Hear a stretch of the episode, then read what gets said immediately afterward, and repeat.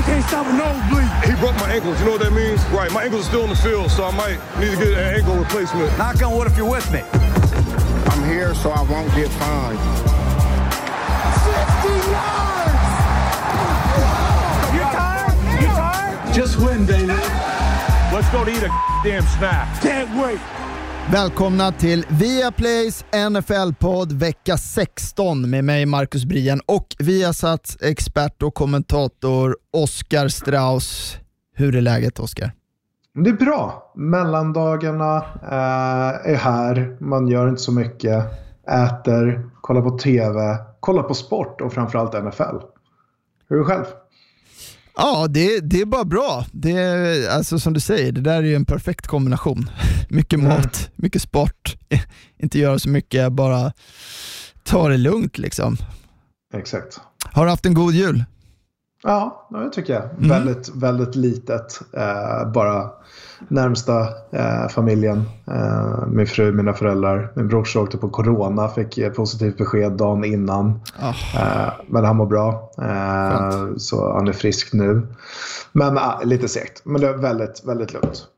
Inga NFL-presenter av tomten? En ny eh, Antonio Brown-tröja kanske eller något sånt? Inte det. Ingen inramad bild av Tom Brady heller. Eh, nej, ingenting sånt faktiskt. Ganska lite. Jag håller det ganska low key på presentdelen generellt sett. Ja. ja.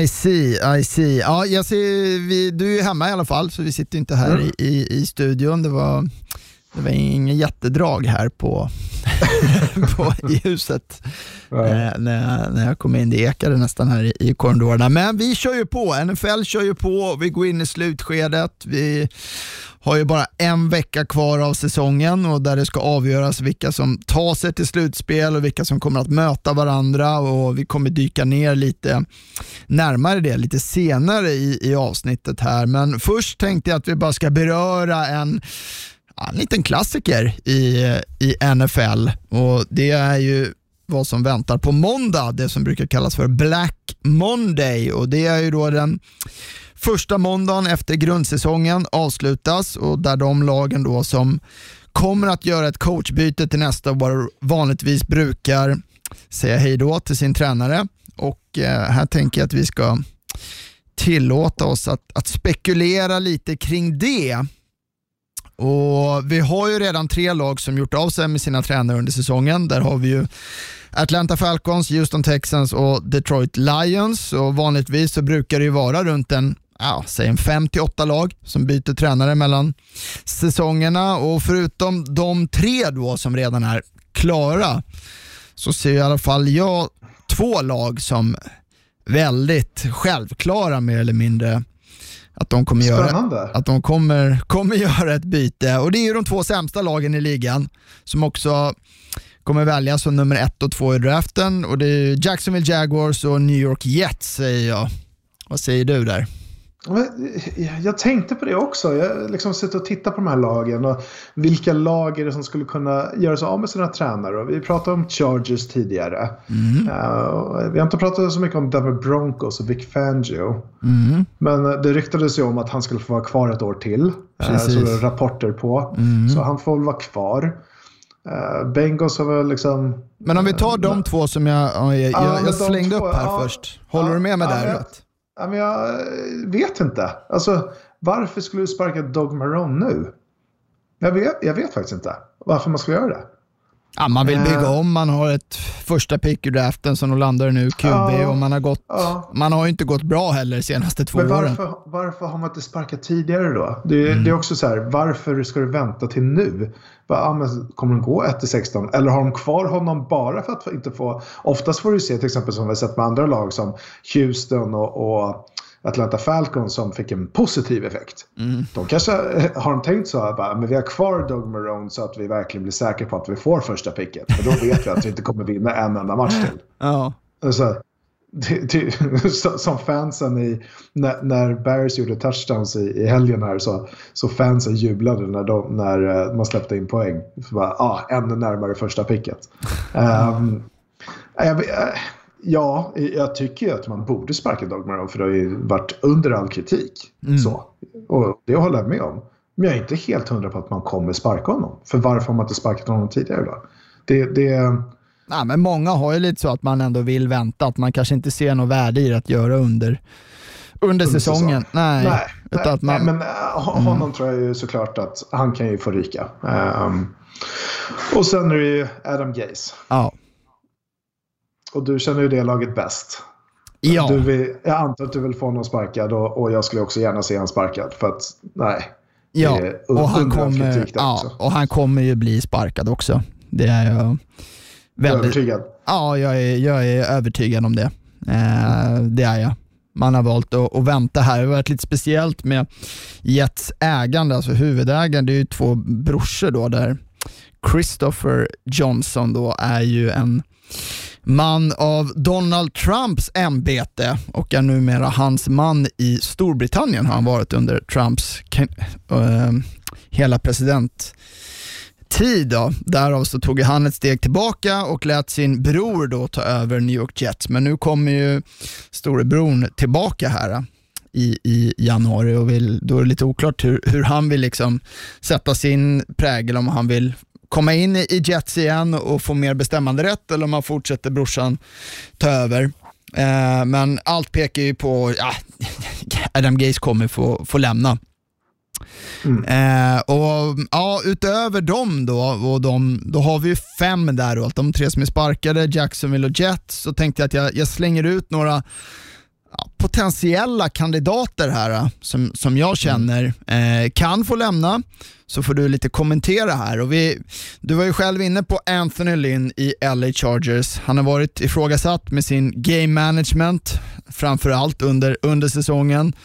Och Chargers mm. har ju heller ja, inte lyckats vinna särskilt många matcher. Eh, jag slänger ut eh, eh, Zach Taylor i, i Bengals, som inte fått laget att blomstra. Mike Zimmer kanske i Vikings, som har ju haft ett misslyckats år och kanske framförallt på, på försvaret som ska vara hans styrka. Och ja, Doug Peterson i Philadelphia. Eagles har mm. haft ett katastrofalt år och det är klart att han kanske har ett ganska så långt snöre där med tanke på deras Super Bowl-vinst. Men ändå, Philadelphia, staden är otålig och det har inte funkat. Vad, vad säger du om, om de här namnen?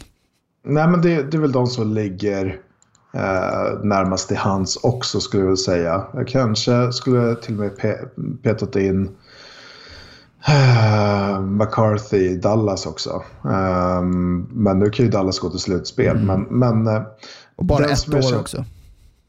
Ja, ah, exakt. Bara mm. ett år. Eh, men eh, någon, någon, som jag känner mig kanske mest bekväm med att han kommer få vara kvar. Mm. Det är nu Doug Peterson.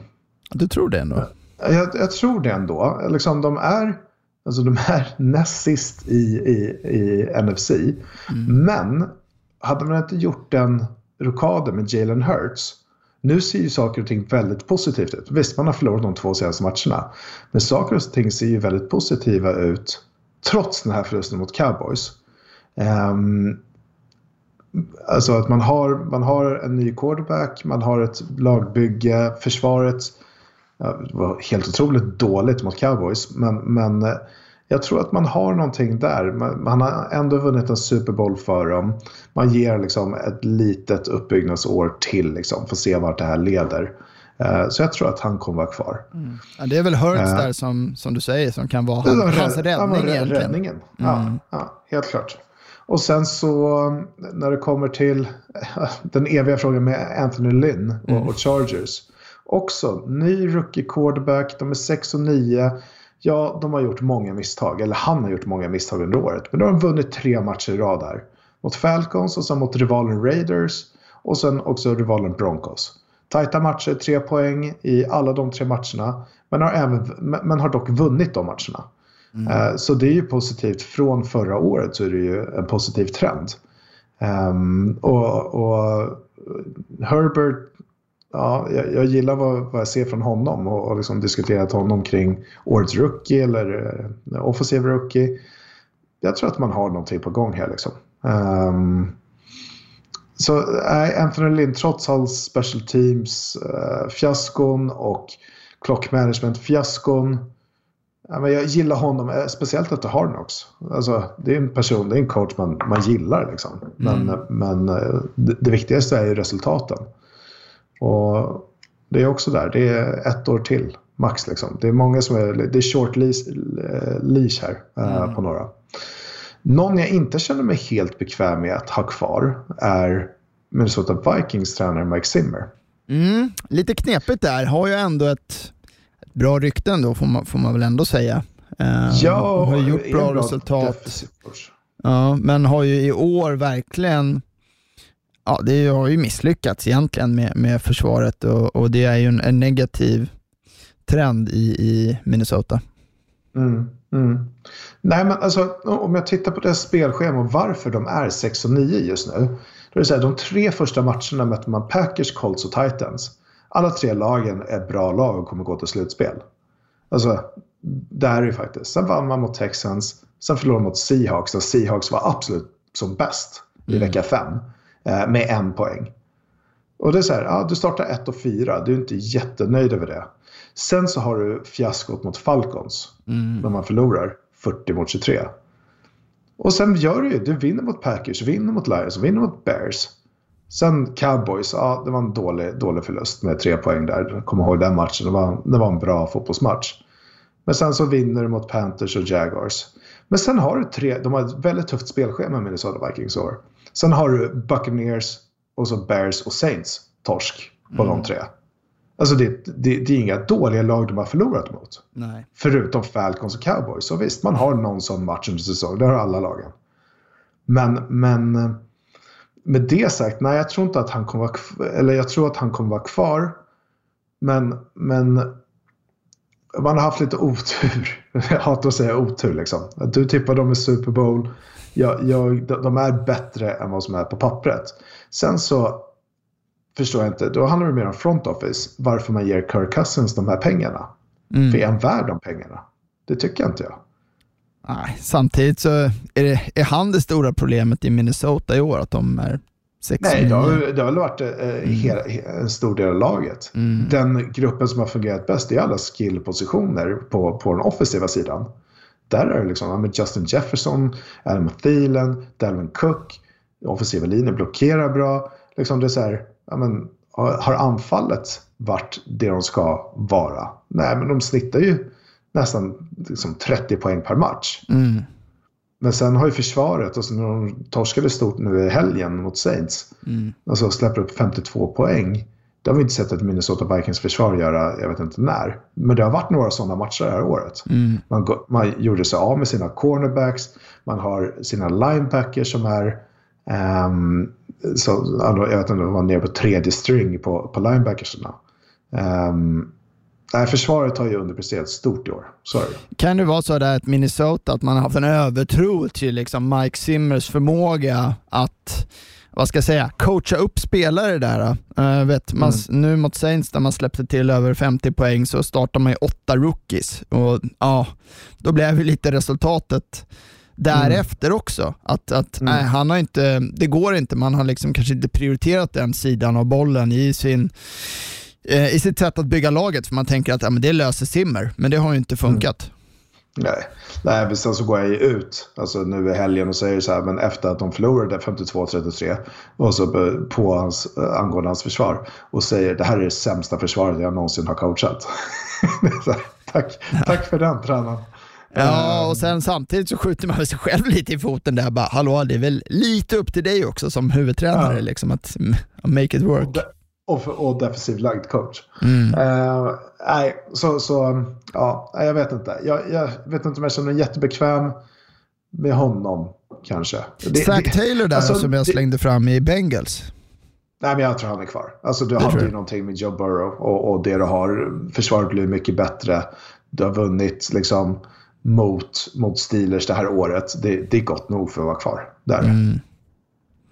Um, mm. Ja, Nej, och så, som du också var inne på, en som borde ha platsat på listan är väl Nick Fangio i Denver som ja, absolut inte lyft laget, men där om jag har förstått eh, beskeden rätt har de gått ut och sagt att han sitter säkert. Eh, mm. Och sen en som förmodligen kanske har räddat sitt jobb med, med starka prestationer på slutet, där, som det viskades en del i under säsongen, var väl Chicago Bears Matt Nagy. Men han känns ju som att han sitter, sitter säkert där och nu.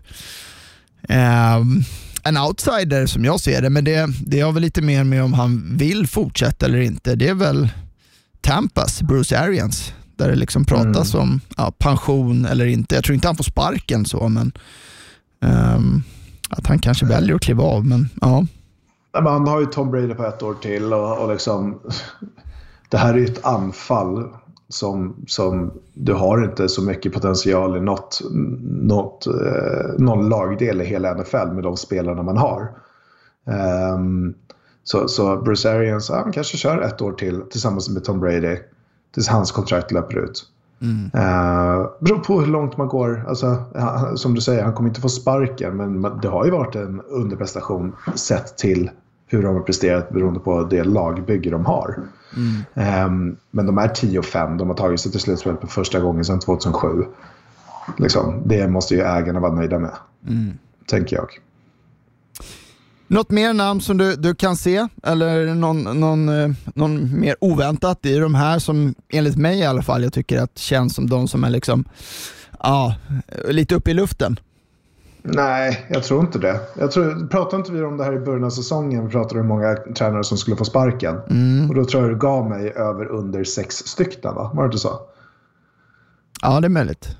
Ja, jag tror, jag tror mm. det. Och jag sa under. Du mm. sa över. Mm. Så jag, det räcker med fem.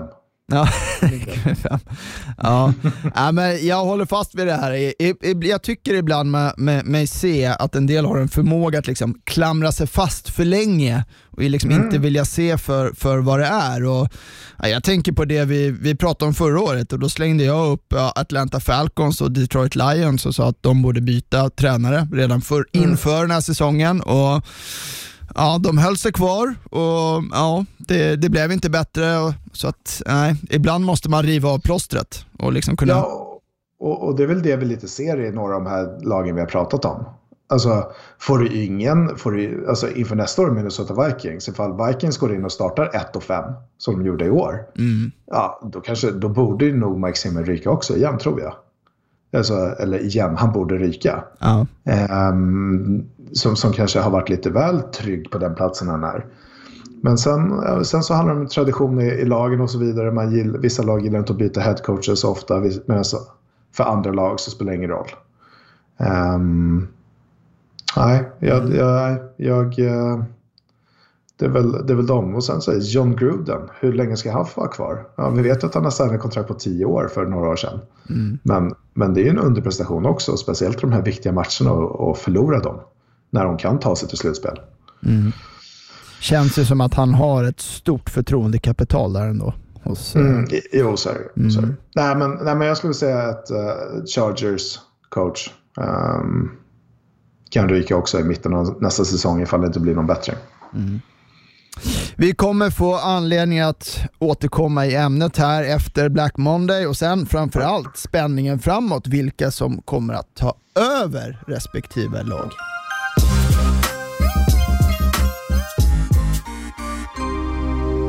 Mm. Innan vi dyker ner i matcherna så måste vi lyfta nyheten här att Washington football team igår släppte sin quarterback Dwayne Haskins som alltså startade helgens match och att han skulle ja, lämna Washington var ju kanske inte alls oväntat. Vi, vi pratade om det redan i, i förra veckan att Ron Rivera nog inte var en, en stor fan av, av eh, Haskins inställning. Eh, och Det var väl snarare mer oväntat att, att det hände nu med en vecka kvar på säsongen och med, med chans på slutspel. Och, ja, det var väl ett, ett, ett statement här av, av, av Rivera att liksom, enough är enough på något sätt. Ja, nej men så, så är det ju. Alltså, hans eh, lilla utgång där efter förra helgen var, sågs väl inte positivt på den. Eh, och då var det så här, eh, vi, vi har väl inget annat val i, i den här matchen och, i och med att Alex Smith inte startar. Och så får han starta och sen så kastar han två picks och sen så bara, nej, äh, nu är vi klara. Det var, Vi ger en chans, nu är vi klara. Jag tror det handlar mycket om hur han var i omklädningsrummet och liksom, han ska ju vara en ledare i laget. Mm. Draftade första rundan. Um, vi var inne på det, lite Johnny Mansell-attityd liksom. Uh, mycket annat som, som uh, spelar roll och inte, inte fotbollen som kommer först i rummet. Och det kommer inte funka med en old school-tränare som Ron Rivera. Nej, och det var ju det som laget gick ut och sa att, ja, och mellan raderna, liksom, att han hade inte den ja, mentaliteten eller liksom inställningen och liksom ledaregenskaperna som, som förväntas av en NFL-quarterback. ja, du, mm. du jämför ju honom med, med Johnny Manziel och det finns väl likheter där. Frågan är ju vad som, vad tror du, kommer han ha en, en framtid i, i NFL och kommer han ja, finnas på, på rosten på, ett lag, på något annat lag under säsongen 2021? Ja, men det finns ju en anledning till varför han blev draftad i första rundan. Så är det ju. Mm. Um, men det handlar ju mycket om, liksom, han blev ju bänkad på, på sättet efter den här Baltimore Ravens-matchen då, de förlorade med 30-10 eller någonting sånt. Uh, när den på där i alla fall. Uh, och då uh, sa de ju det, vi gillar inte att ha en förberedelse inför matchen. Och, och att liksom under veckan. Um, Nej, jag, jag, tror att han kommer finnas med på en annan roster. Han kommer få en andra chans någonstans. Eh, det är någon som gillar hur han, liksom, det finns potential där. Mm. Sen behöver vi ordna upp sig. Alltså, vi får ju inte glömma att liksom, de här spelarna är 23, alltså, de är unga, de är 23 år gamla. Ja. Alltså det är så mycket annat och, och, och, många av dem kommer från fattiga områden, liksom, i segregerade områden. Och många polare och liksom familj och vänner som drar i honom, liksom vill ha lite över där, vill leva det goda livet och så vidare. Det, det är jäkligt svårt. Det är otroligt svårt. Alltså, jag tänker, jag, när jag var 23 år gammal hade jag liksom klöt ut hela livet. Och så, så ger du en spelare en massa miljoner, eh, miljoner dollar. Mm. Och så här. Och så, och, så, och så säger man bara, glöm inte att du är NFL-quarterback nu också. Liksom, led det här laget. Alltså, det är supersvårt. Ja, det, det, är därför, det är därför jag förespråkar liksom, men, att stå bakom någon, eh, alltså att lära sig bakom någon, du som Tua. Var bakom Fitzpatrick ett tag, liksom. ha honom där, ha honom som mentor. Det har ju inte Dwayne Haskins haft. Utan han har ju bara kastats in direkt liksom och kört. Ja, och det här också är ju lite det som är det svåra med att, att veta liksom också hur eh, hur, hur en, en, eh, spelare, eller en person för den delen, liksom tar sig an, klarar det, det mentala och den liksom skiftet och inställning som förväntas av, av, en, av en eh, quarterback i NFL. Och Det är väldigt svårt, kan vara svårt att utvärdera just, just den delen och veta hur, hur en person reagerar på de enormt hö, höga krav som, som ställs. Mm. Um, just i den här draftprocessen och det, det, ser man ju också liksom i, jag menar antalet, pratade lite förra veckan om liksom quarterbacks i första rundan, hur många har liksom lyckats och blivit en liksom franchise quarterback. Ja, och de som har gått i första rundan, de senaste drafterna så är det väl ja, det är mindre än 50 procent. Mm. Mm. Ja, men så är det ju. Så är det.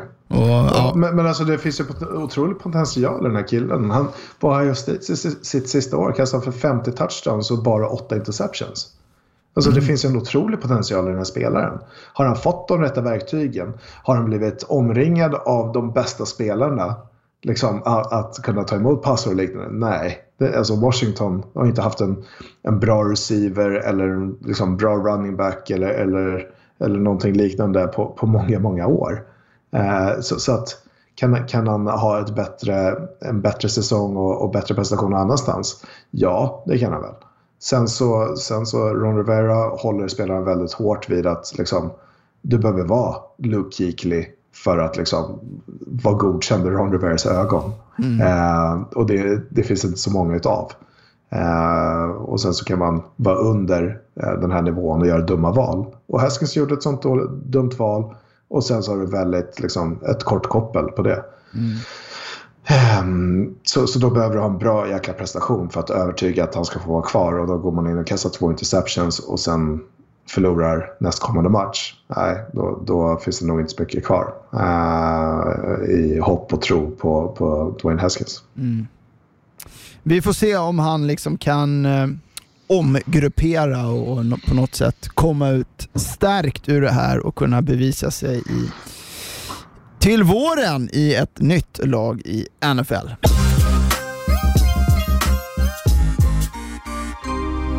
Veckans match i söndags i NFL-studion var ju mötet mellan Indianapolis Colts och Pittsburgh Steelers. Och det var ju ett sargat Steelers som kom in till matchen med tre raka förluster och inledde ju också den här matchen på tidigare inslagen väg med att spela otroligt svagt på anfallet. Man hamnade i underläge i paus med hela 21-7, vilket kanske också var i, i underkant sett till matchen. Men i den andra halvleken så vaknade ju anfallet ur sin koma och också hjälpte av försvaret som höll Colts till endast tre poäng i andra halvlek.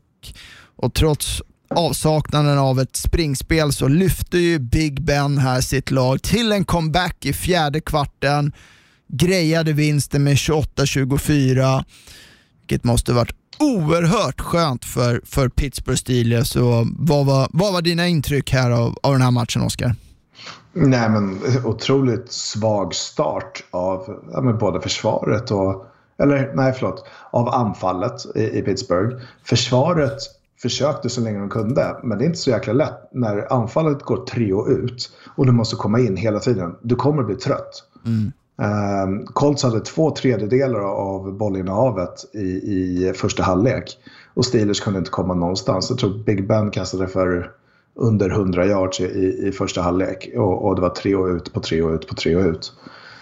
Uh, och Colts såg ut att gå mot en väldigt enkel, enkel vinst. Um, springspelet funkade bra. Uh, Jonathan Taylor sprang hårt. Uh, och den offensiva linjen i Colts hade klar överhand mot Steelers eh, defensiva linje.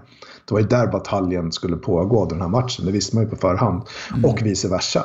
Det var på den offensiva och defensiva linjen liksom, där det här började, eller, eller startade och det är så det skulle avslutas också.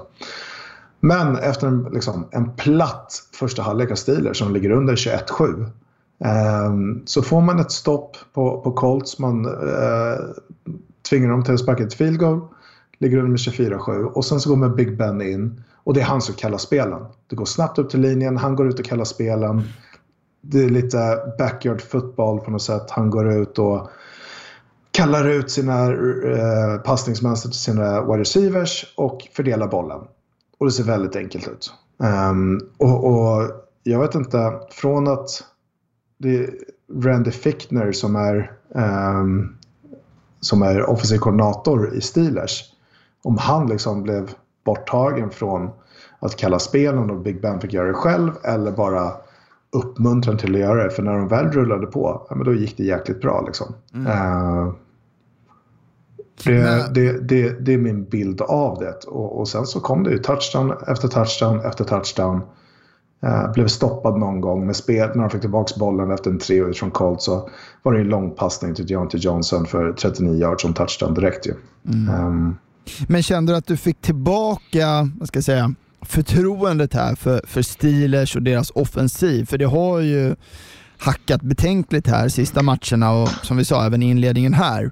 En sak som, ja, de, mm, en sak som jag tänker här kan bli ett, ett stort problem för, för dem framåt in i slutspelet som de nu är, är klara för är ju just deras oförmåga att inte kunna springa med bollen längre. Mm. Ja, det, det, ser tufft ut. Och, och de ger ju upp på springspelet också. Mm. Ehm, de hade ju, vad var det, två yards första halvleken. Ja, men de kommer alltså, ingenstans heller. Så. Nej, de kom, men de gav ju upp på det också. De sprang ju bara fyra gånger också i första halvlek med bollen. Alltså det var ju, det var ju bedrövligt. De, vill ju, alltså, de gick ju ut, första, första anfallsserien gick de ut och passade tre gånger i rad. Mm. Och bollarna var lite för låga i början. Sen var de lite för höga. Och sen så riktade han in sig. Uh, ben.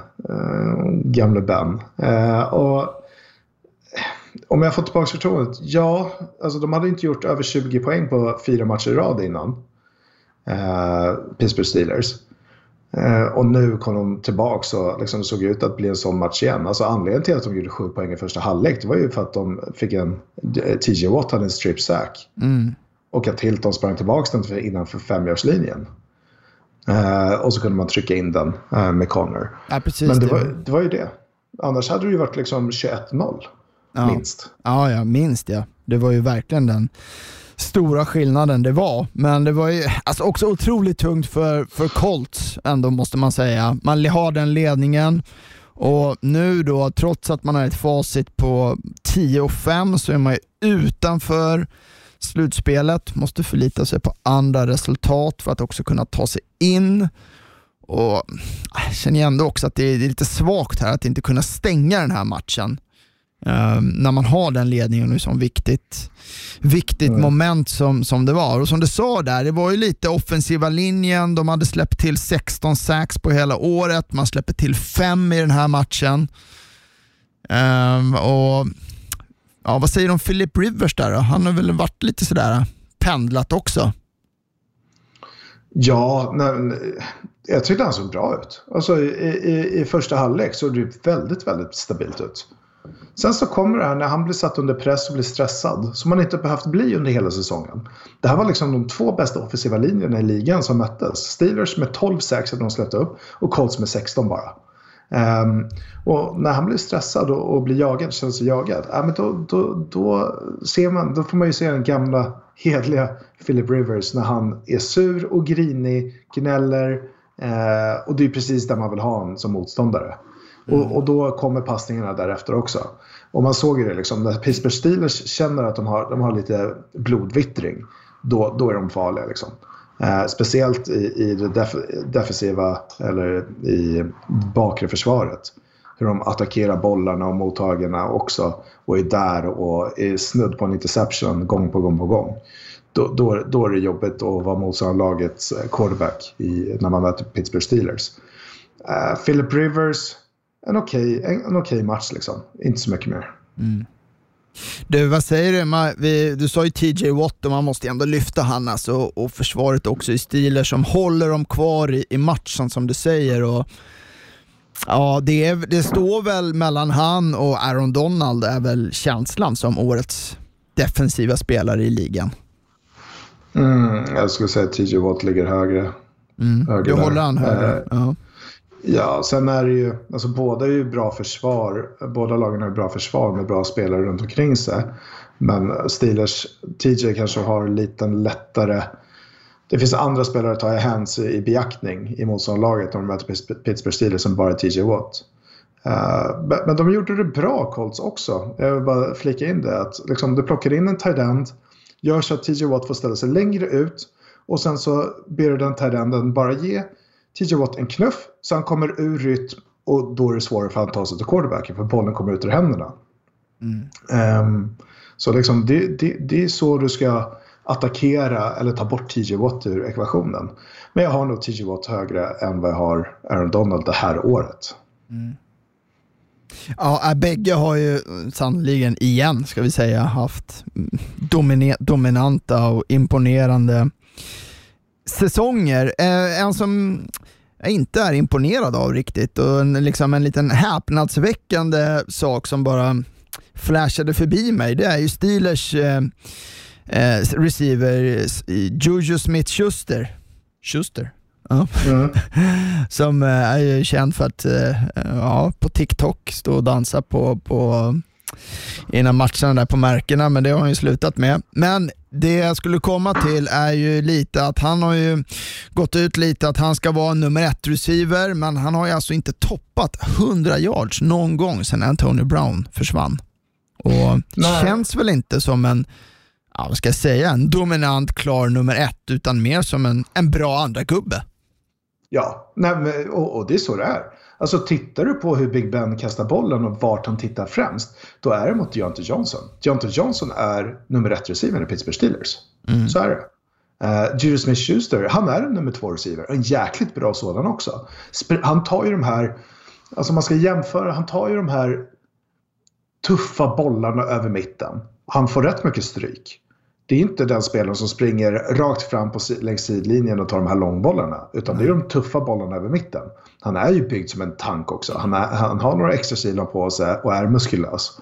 Um, han är inte Robbie Anderson som springer på sidlinjen eller Nelson Aguilar som springer på sidlinjen rakt fram. Liksom, Judy Smith-Schuster, han ska ha bollen i trafik, korsande passningsmönster och liknande. Det är mm. där han är bäst. Och så jämför honom med, med Adam Thielen, du jämför honom med eh, Chris Godwin. Alltså klara nummer två receivers som, som gör det jäkligt bra. Um, så, så Deontay Johnson, nej, han är nummer ett receiver i Pittsburgh Steelers. Uh, Juju Smith-Schuster är nummer två. Men han, liksom, han har 13 targets, 9 mottagningar och 96 yards som touchdown. Ja, det är väl en, det är väl en bra dag. Så jag, jag vet inte. Han har fått en del kritik mot sig och liksom hela bråket med Antonio Brown. Men, men eh, det är fortfarande receiver jag vill ha i mitt lag. Oavsett om man dansar på motståndarlagens loggor eller inte.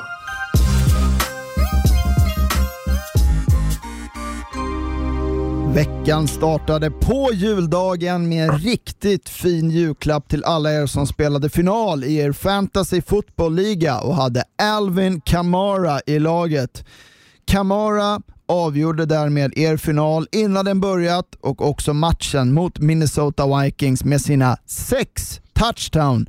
Något som ingen spelare mäktat med sedan 20-talet och som gjorde att hans lag vann med 52-33 ett resultat som också var en så kallad scorigami, vilket är ett unikt slutresultat i en NFL-match som aldrig tidigare inträffat.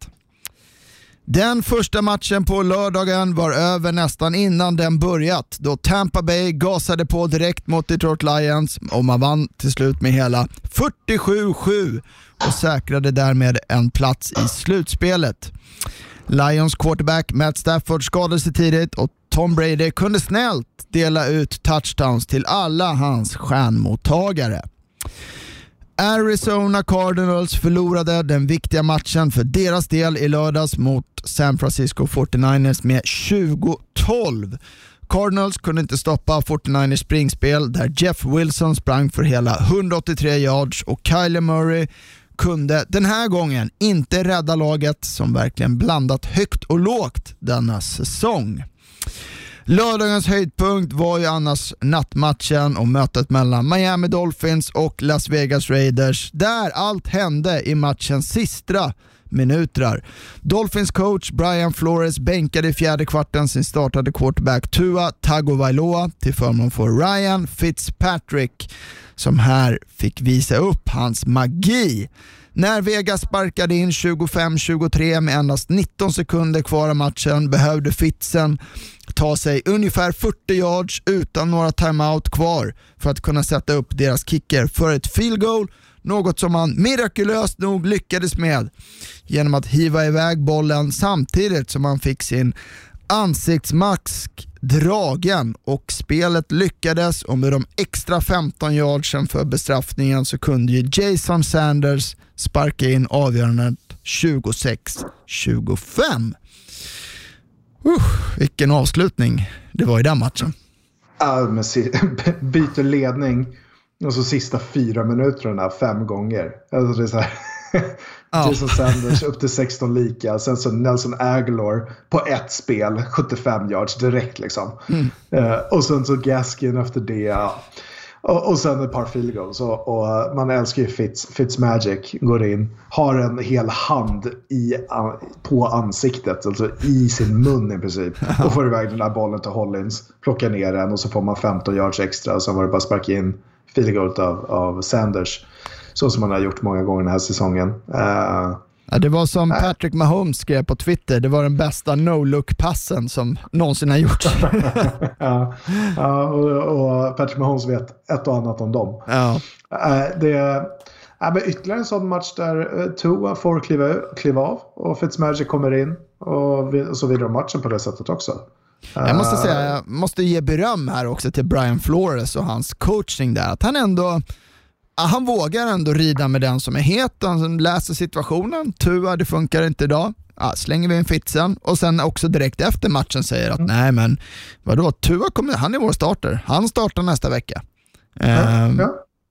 Älskar det. Älskar det.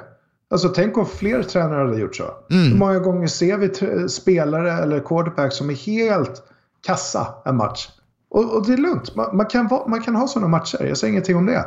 Men är, är bedrövliga. Alltså Tua hade 94 yards i, i, över tre kvartar.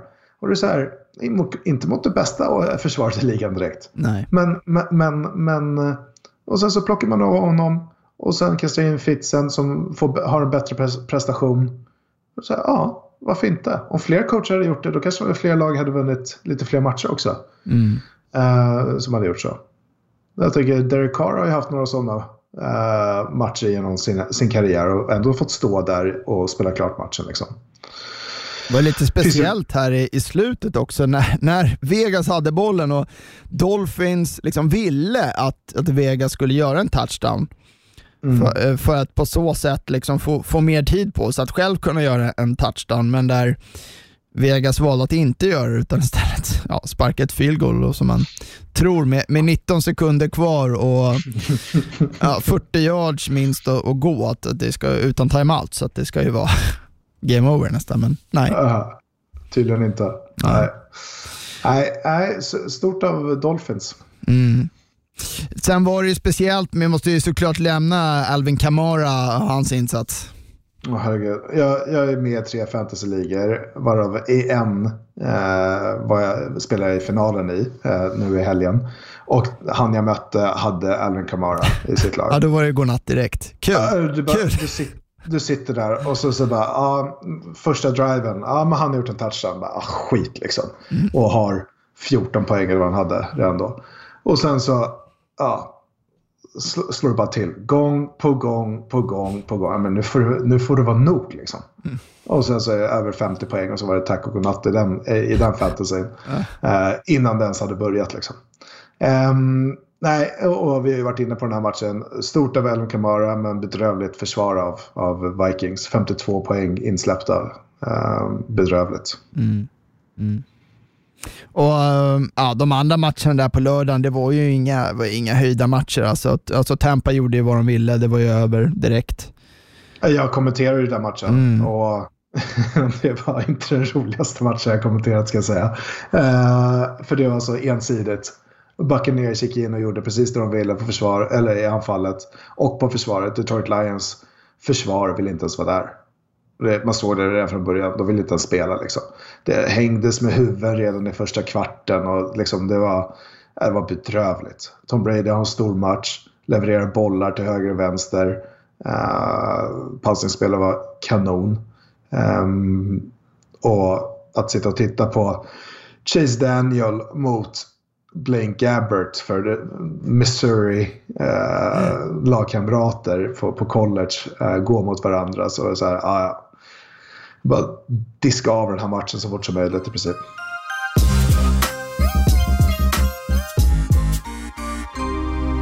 Visst satt ni också alla med känslan av att Atlanta Falcons kommer att tappa matchen i fjärde kvarten mot Kansas City Chiefs. Falcons hade ju spelat en bra match och höll Mahomes till endast 17 poäng men i vanlig ordning så kunde man i Falcons inte knyta ihop säcken och lagets kicker Young Wei Koo som haft en enastående säsong och varit säkerheten själv, uttagen i Pro Bowl, missade här matchens sista spark som hade tagit den till förlängning och Chiefs vann med 17-14.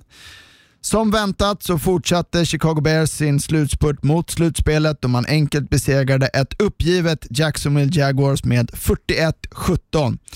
Jaguars säkrade därmed också picket i första picket i vårens draft och kanske var det meningen så när man valde att starta den trötta Mike Glennon istället för den lite piggare Garner Minshew. Cincinnati Bengals lyckades vinna mot Houston Texans i en match som inte innehöll, innehöll särskilt mycket försvarsspel att skryta om med 37-31. En frustrerad JJ Watt höll efter ma matchen på presskonferensen ett brandtal att nu jävlar är det dags att alla verkligen visar att man vill prestera, annars är det bara att lämna. Baltimore Ravens fortsatte sitt segertåg i helgen mot New York Giants och vann med 27-13 och som jag sagt förut så känns ju Ravens som laget i år som kommer in till slutspelet med ett otroligt positivt momentum och blir att räkna med där. Cleveland Browns drabbades dagen före matchen mot New York Jets av covid-19-strul då lagets samtliga startande receivers tvingats till karantän. Detta visade sig kostsamt i matchen och med två fumbles av Baker Mayfield på lagets två sista drives gjorde också att Browns inte kunde komma tillbaka in i matchen och Jets tog det därmed lagets andra raka seger och vann med 23-16. Woohoo! Mm, nu är de på gång Jets. Två raka. Är vi på gång? Ja. Mm. Men är inte det så mycket Browns över det här också på något sätt? Ja. Jag tänkte ju för den här matchen så här, men fyra wide receivers, ja visst. Cleveland Browns spelar ändå inte med tre styckna eh, wideouts på, på så många spel. Utan det är två dubbla tight ends ofta, running back, kanske två running backs eller alltså en fullback. Eh, så det här kan väl, kan väl funka i alla fall. Men när springspelet liksom inte kom igång heller och, och New York Jets försvar liksom stängde ner ordentligt med Nick Chubb och Cream Hunt så ja, eh, så, och så var det första touchen var ett trickspel va? Från uh, Jamison Crowder. Ja, visst. Mm. så det var så här, wow, Jets har någonting här nu kanske. Ja, nu Men, så, äh, nu är det dags. Nu, nu är det dags. ja. att bevisa att man kan vinna. Ja. De har bara lurat alla hela säsongen. ja, precis. Ja. Nej, men det var lite förvånande ändå äh, att, att Browns ändå inte lutade sig ännu mer mot, mot springspelet. Man, som har ju varit ett av ligans bästa med just Nick Chubb och, och Kareem Hunt där. Väldigt märkligt. Och den offensiva linjen som har spelat så pass bra hela säsongen också. Jag, jag, ty jag tyckte det var märkligt. Och nu kan ju Browns missa slutspelet. Liksom. Det är äh, otroligt. Ja, ja. Något mer att lämna av övriga matcher här? En del var ju lite så här, ah, det blir ju alltid så i slutet på säsongen, lite så här intetsägande matcher på något sätt. Ja, nej men Kansas City-Atlanta såg den matchen. Det, det, det, var bedrövlig fotboll. Väldigt slarvigt åt båda hållen. Um, dåliga tacklingar och så vidare. Kansas City är ett sånt storlag. Liksom, det är en trap game och så vidare. Vi spelar på hemmaplan. Starkt att vinna den matchen trots allt. Det är ändå, ändå NFL. Mm. Uh, jag tycker lite synd om Houston som torskar en, en tight match igen. Um, ja. Eh, tre, tre tajta matcher de senaste fyra veckorna som de eh, tappar. Eh, och jag håller med JJ Watt i det han säger. Liksom. deras fans förtjänar inte det här. Liksom. Eh, så in och prestera eller dra. Det är väl det jag har att säga.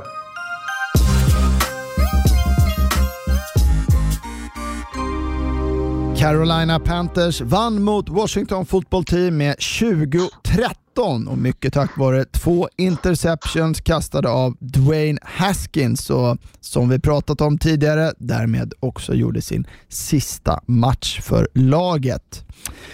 LA Chargers vann divisionsmötet mot Denver Broncos med 19-16. Justin Herbert blev här med sina med sin 28 touchdown-pass för året den QB i historien som kastat flest touchdown-passar för en rookie och slog därmed Baker Mayfields tidigare rekord. Han blev ju också endast den fjärde rookien i historien att kasta för över 4000 yards sitt första år i NFL. Philadelphia Eagles säsong tog i söndags slut då man i och med förlusten med 37-17 mot Dallas Cowboys inte längre har en chans till slutspel. För Cowboys del så lever otroligt nog fortfarande hoppet, men mer om det lite senare. LA Rams hade för andra veckan i rad problem med sin offensiv och i, till helgen i mötet mot Seattle Seahawks. Rams mäktade med endast tre field goals och Jared Goff som också skadade sin tumme under matchen såg igen inte särskilt förtroende, förtroendeingivande ut. För Seahawks del så måste det ändå kännas positivt att lagets försvar spelat upp sig och, och med med segern med 29 säkrade man också segern i NFC West.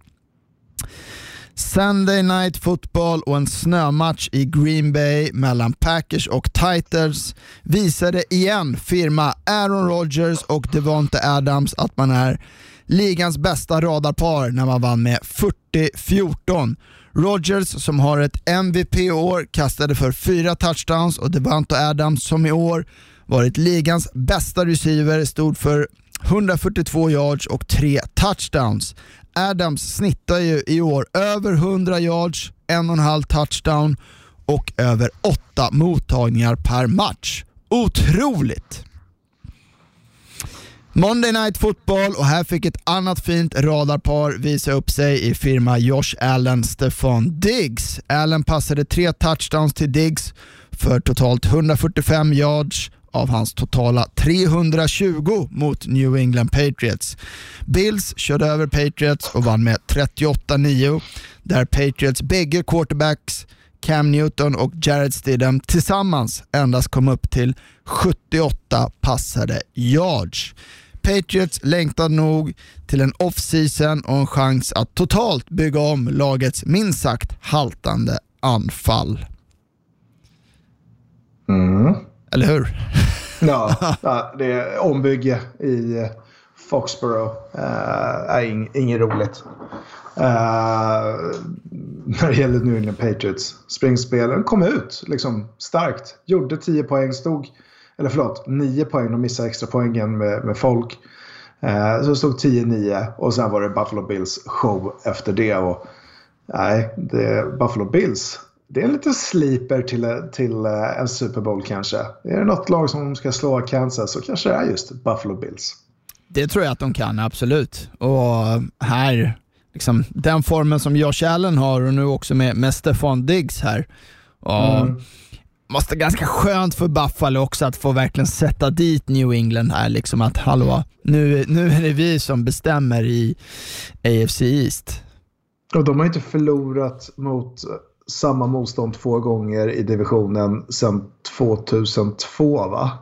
Uh, Patriots för första gången är, är ju helt otroligt egentligen. Ja. Men uh, och gör det här nu med mot Buffalo. Mm.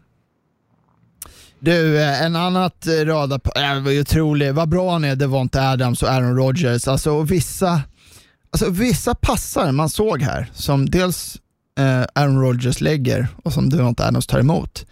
Det går inte att försvara. Nej, när det är liksom helt perfekt i steget så bara Devonta Adams kan fånga den och de tajmar det så snyggt. Och jag, jag, vet inte, det går inte att stoppa. Nej, men det, det är som att de har en, liksom, de är på en annan radiofrekvens än vad alla andra är. De två liksom bara, att de, de, de pratar med varandra under själva spelet. Så nu kommer bollen på din bakre axel. Titta upp nu. Och så är bollen bara där. Och det var inte Adams tar. Alltså det, det, det, är så vecka efter vecka. Och man vet, alltså är det någon alltså, offensiv, jag vet inte, så här, offensiv spelare of the year eh, kommer ju stå mellan några spelare. Men då, det var inte Adams eller Derek Henry ska göra någon av dem, tycker jag i alla fall. Liksom. Eh, det var inte Adams har varit fantastiskt det här året. Han har väl eh, varit och, den bästa receiven i, i NFL i år. Tyreek Hill ligger väl där uppe också va? När det kommer till antalet touchdowns och liknande. Men det var inte Adams, ja. Han har varit den bästa mm. i, i mina ögon. Ja. Ja, och jag menar i den här matchen mot Titans, jag menar det som saknas i Titans, det är ju och har ju varit en ordentlig pass rush, att komma åt motståndarlagets quarterback. Och mm. Är det någon man måste komma åt, då är det ju Aaron Rodgers som också har en, en bra eller, ganska bra linje framför sig. Ja, nej men så är det ju. Jag trodde faktiskt mer på Tennessee Titans i den här matchen, men någonting Green Bay gjorde i, ja, ska vi säga, nämnat liksom, ja, väldigt mycket snö. Eh, svårt att hålla sig till gameplanen. Och det var svårt för, för Titans att springa på Green Bay Packers. Mm. Uh, Derek Henry, visst 98 yards, men på 23 gånger. Uh, så man, hade inte, man fick inte den utvecklingen och Tannehill hade ingen rolig match heller um, i, i passningsspelet. Så nej, en väldigt bra match av Green Bay och, och framförallt av deras försvar. Um, mm. ska säga. Ja. Uh, ett lag som har lite problem här får man ju säga, det är ju Los Angeles Rams. Och nu med bruten tumme också på Goff. Mm. Um, nej, och de ska försöka ta sig in i slutspel här nu ifall de inte riktigt är klara. och ska ju mm. diskutera det. Men nej, eh, igen, Seattle Seahawks eh, övertygar inte heller. Man möter ett bra försvar i Rams såklart. Men inget lag övertygar i den här. Uh, och inga, inga lag jag vill se långt in i slutspelet. Eh, dessvärre Seattle Seahawks är 11-4 liksom. Och, och det, ja. det, är inte övertygande. Nej, men ändå positivt för deras del att försvaret har, har steppat upp. För att det, det läckte ju ganska mycket under säsongen. Ja, men det, det är roligt hur en säsong kan svänga så pass mycket. Att I början av säsongen så är det liksom Russell Wilson, han går mot sin första MVP-säsong mm. och, och var helt överlägsen. Och DK Metcalf och Tyler Lockett, alltså det fanns ingenting som skulle stoppa dem. Uh, samtidigt så var, så, så var det ingen i Seattles försvar som kunde stoppa någonting alls. Uh, och sen så har det vänt lite. Mm. lite märkligt hur det kan liksom vara så stora skiften under en säsong.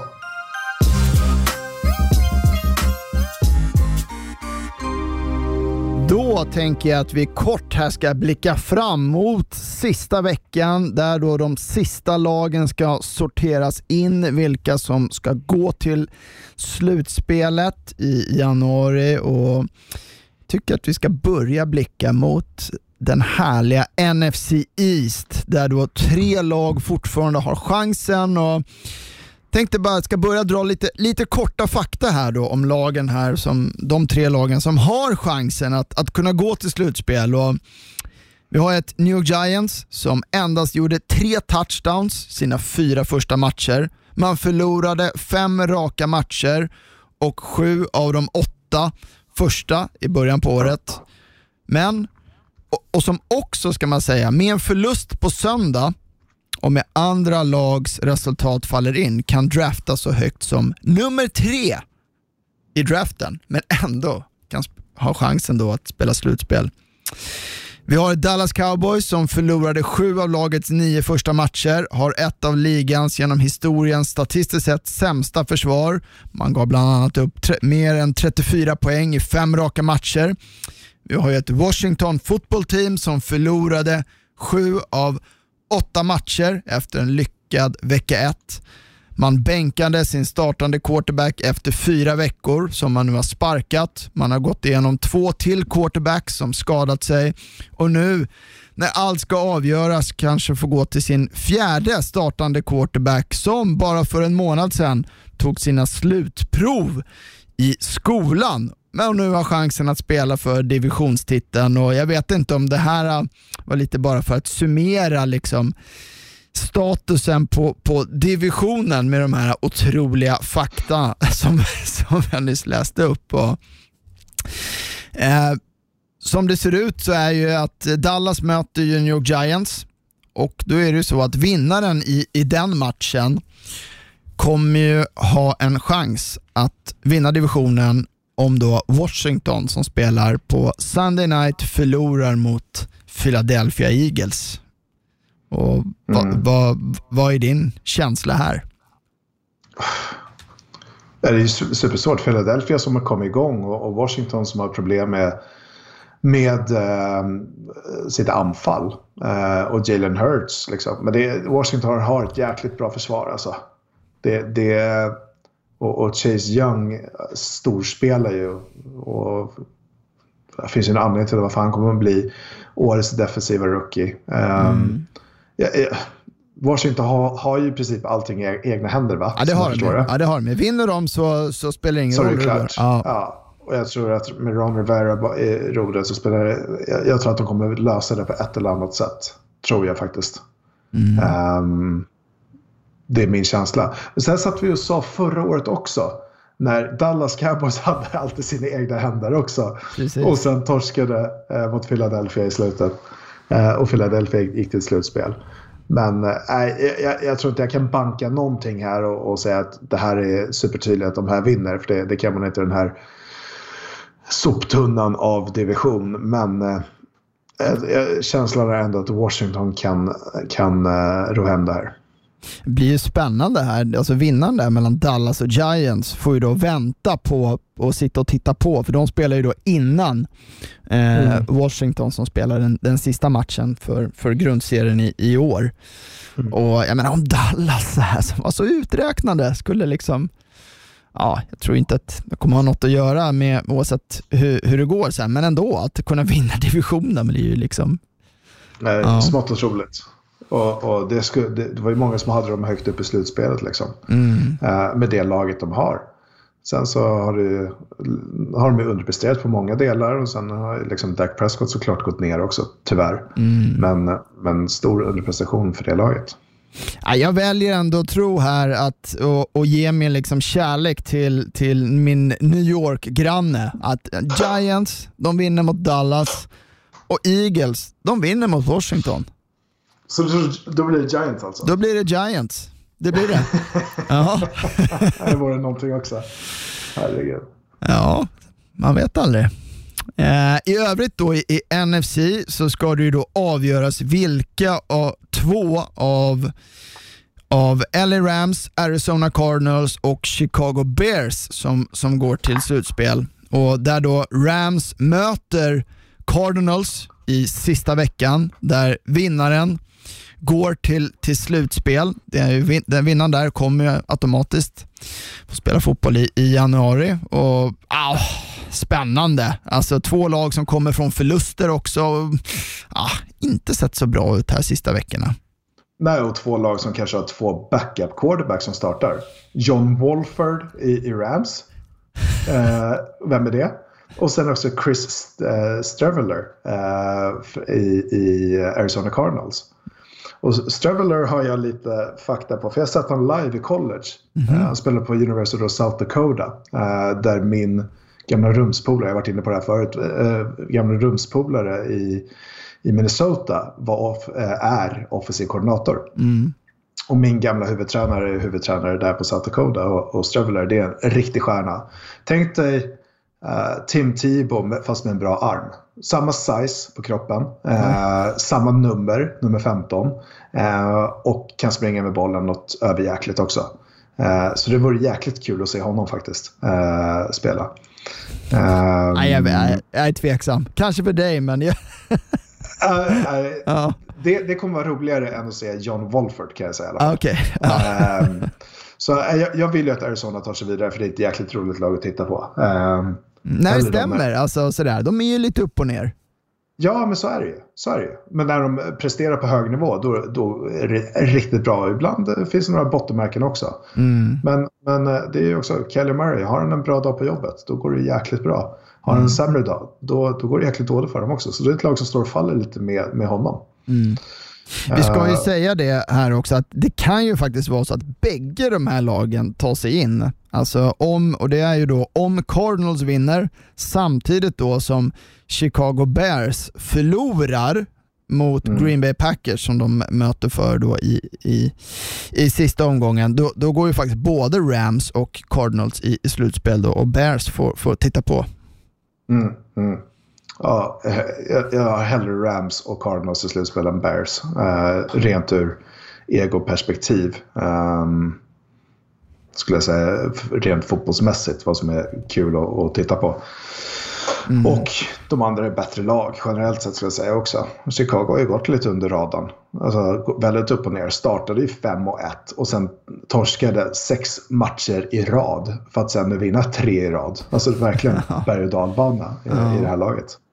Ja, så är det. Och alltså, glädjande för, för, för um, Rams och Cardinals-fansen är ju att eh, Green Bay ändå spelar om att få första sidan i NFC och därmed en, en bye week i slutspelet. Det är ju en, en stor skillnad med om de hade varit klara eh, första sidan och då kunnat vila ja, potentiellt Aaron Rodgers och, och Devonta Adams. Jag trodde de var klara, men jag kanske har fått det om bakfoten. Men eh, för, för Packers vann ju mot Saints. Nej, det ska vi... Ja. Men det, Nej, det, bara... det står ju mot Seattle där också. I Seattle också? Mm, ja. Just det. Just det. Uh, Bra. Precis. Då redde vi ut det. Eh, mm. och i AFC så är det ju uh, ja, det är en jäk, lite mer komplicerat kan man säga. Det är en jäkla massa parametrar som man ska räkna med och också som jag sa, det är ju alltså, eh, otroligt att ett lag då kan landa på eh, ja, 11 och, och 5 och alltså missa slutspel. Det, jag kan inte minnas när det har hänt. Jag vet att Jets missade ett år med Ryan Fitzmagic när vi torskade sista veckan mot Buffalo. Då var vi 10-6. Mm. Eh, och nu dessutom i år när vi också har ett lag till i slutspelet så skulle det vara otroligt tungt. Men eh, om vi ska liksom räkna, många av de här lagen har ju ganska lätta matcher som jag ser det, som borde vara självklara. Vi har ju Baltimore Ravens, de räknar jag med, de bara vinner mot Bengals i den formen de är. Mm. Eh, då är de inne. Vi har Tennessee Titans eh, som jag ser ska ju bara vinna mot ett Houston Texans som är ju helt under isens och verkar ha checkat ut. Och Jag tror ju också att Colts kommer ju också vinna sin match mot Jacksonville. Det är ju tre stora favoriter som jag ser att de kommer vinna sina matcher. Mm. Eh, då har vi då Cleveland som möter Pittsburgh där då Browns måste vinna och vi har ju då mm. Miami som också möter Buffalo som också måste vinna för att ta sig in. Mm. Och ja, det är, väl, det är väl där som jag ser, för jag räknar in de här tre första, men de här andra två, Browns, Steelers och, och Dolphins, Buffalo känns ju mer ovissa. Mm. Ja, verkligen. Miami, alltså Buffalo och Pittsburgh har ju fortfarande någonting att spela för. Alltså att ha hemma, hemmaplansfavör eh, i slutspelet. Fram till att man möter Kansas har ju den hela vägen igenom ifall de vinner sina matcher. Mm. Eh, men, men eh, Buffalo och Pittsburgh har ju fortfarande hemmaplansfavör. Eh, och det vore ju liksom att åka till Buffalo och Pittsburgh i liksom vintrigt januari inte jättekul. Nej. Eh, speciellt ifall du kommer från Miami. Eh, sen har du liksom, det är tre, tre AFC North-lag eh, i, i Cleveland och Baltimore. Alltså, titta, vi, jag kommenterade Cleveland-Pittsburgh senast och då var det ju utskåpning deluxe. Uh, Pittsburgh gick ju in och, och krossade Cleveland Browns och Baker Mayfield hade ingenting. Och speciellt efter en sån här match senast och Cleveland, ja, han nu torskade mot Jets, så måste jag ju hålla Pittsburgh till, till en vinst där. Mm. Buffalo Miami, den är väl lite mer uppe och svävar. Uh, men där ska ju Buffalo vinna också. De är ett klart bättre lag tycker jag. Mm. Men, men med Miamis försvar och Miamis uh, special team så, så finns det en chans att vinna den matchen såklart också. Ja, det här kommer ju bli en nagelbitare alltså. Och samtidigt kan det bli så här, Browns, att om de skulle är det inte typiskt om de ändå skulle göra en sån här säsong om man räknat, hade räknat in segern här mot Jets och då hade de ju varit, varit klara. Eh, mm. så, så, så, så händer det liksom att man, man kanske går ja, 10-6 då och, och missar slutspel. Um, ja, alltså, det, ja. Men skulle det bli så att alla de här lagen vinner, då är det ju så att då, är, då blir det ju så att eh, Indianapolis Colts kommer då att missa slutspelet på, på, mm. på 11 och 5 och skulle både Cleveland och Miami då förlora sina matcher här mot, mot Steelers och, och Buffalo. Buffalo. så är Miami inne och Cleveland mm. får, får titta på. Mm. mm. Ja. Nej, jag baserat på det här och att Colts möter Jaguars så, så tror jag tyvärr att Cleveland då, äh, inte kommer komma med. Mm. Um, så. det blir otroligt spännande och det är ju också Steelers Browns som är veckans match i NFL-studion på söndag på Viaplay klockan 18.30. Och, uff, ja, Cleveland Browns vad, vad, vad, vad, ska, vad ska hända här? Nej, men jag, jag tror ju att det kommer vara svårt. Eh, alltså, man ska inte underskatta spelare som har varit borta i covid också. Nu vet jag inte hur allvarligt det var för de fyra wide receivers eller om de bara liksom, var i närheten och blev avstängda därifrån. Det var det initialt vad som sades. Men, men eh, när de mötte Steelers senast så åkte de på pumpen 38-7. Eh, och, och, det fanns inte speciellt mycket för Cleveland att göra den matchen. Det var, de blev dominerade eh, av Steers försvar.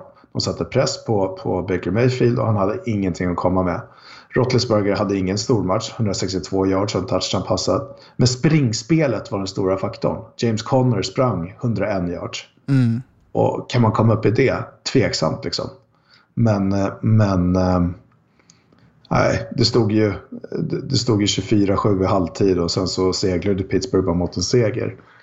Jag... Eh, I och med att Pittsburgh Steelers, de, i och med att de har torskat tre matcher och sen vann den här nu.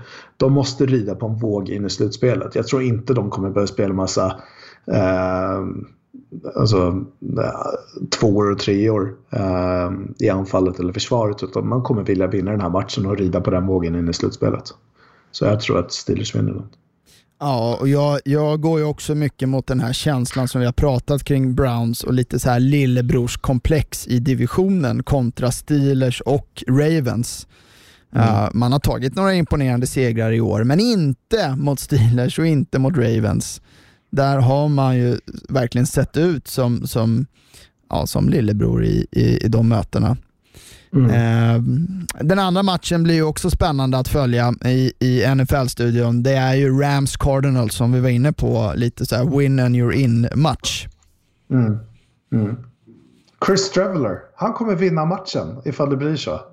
Jag vet inte hur allvarlig den skalan, skalan var på Keller Murray på, på sista, i sista spelet där eh, som han drog, eh, drog på sig.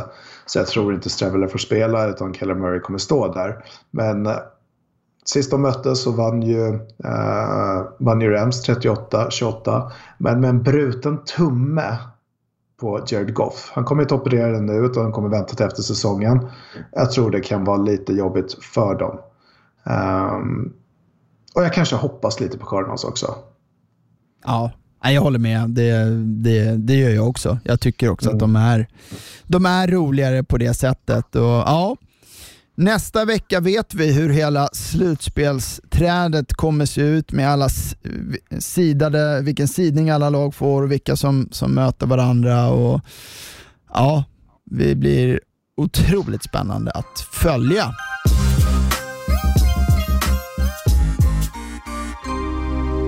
Då så, that's it för i år får vi säga. Ja. Ehm, stort tack för att ni har lyssnat och vi önskar er ett gott nytt år och ja, som man ser fram emot eh, ett på, på många sätt ett, ett bättre 2021. Ehm, både i, i världen och för min del också på, på fotbollsplanen med mitt New York Jets. Och stort tack för i år. Eh, alla ni som är med oss. Over and out säger Marcus Brian och Oskar Strauss. Ha det gott! Tjena! They can't stop a nosebleed. He broke my ankles. You know what that means? Right. My ankles are still in the field, so I might need to get an ankle replacement. Knock on wood if you're with me. I'm here so I won't get fined. 50 yards! You tired? You tired? Just win, baby. Let's go to eat a damn snack. Can't wait. Produceras av I Like Radio. I Like Radio.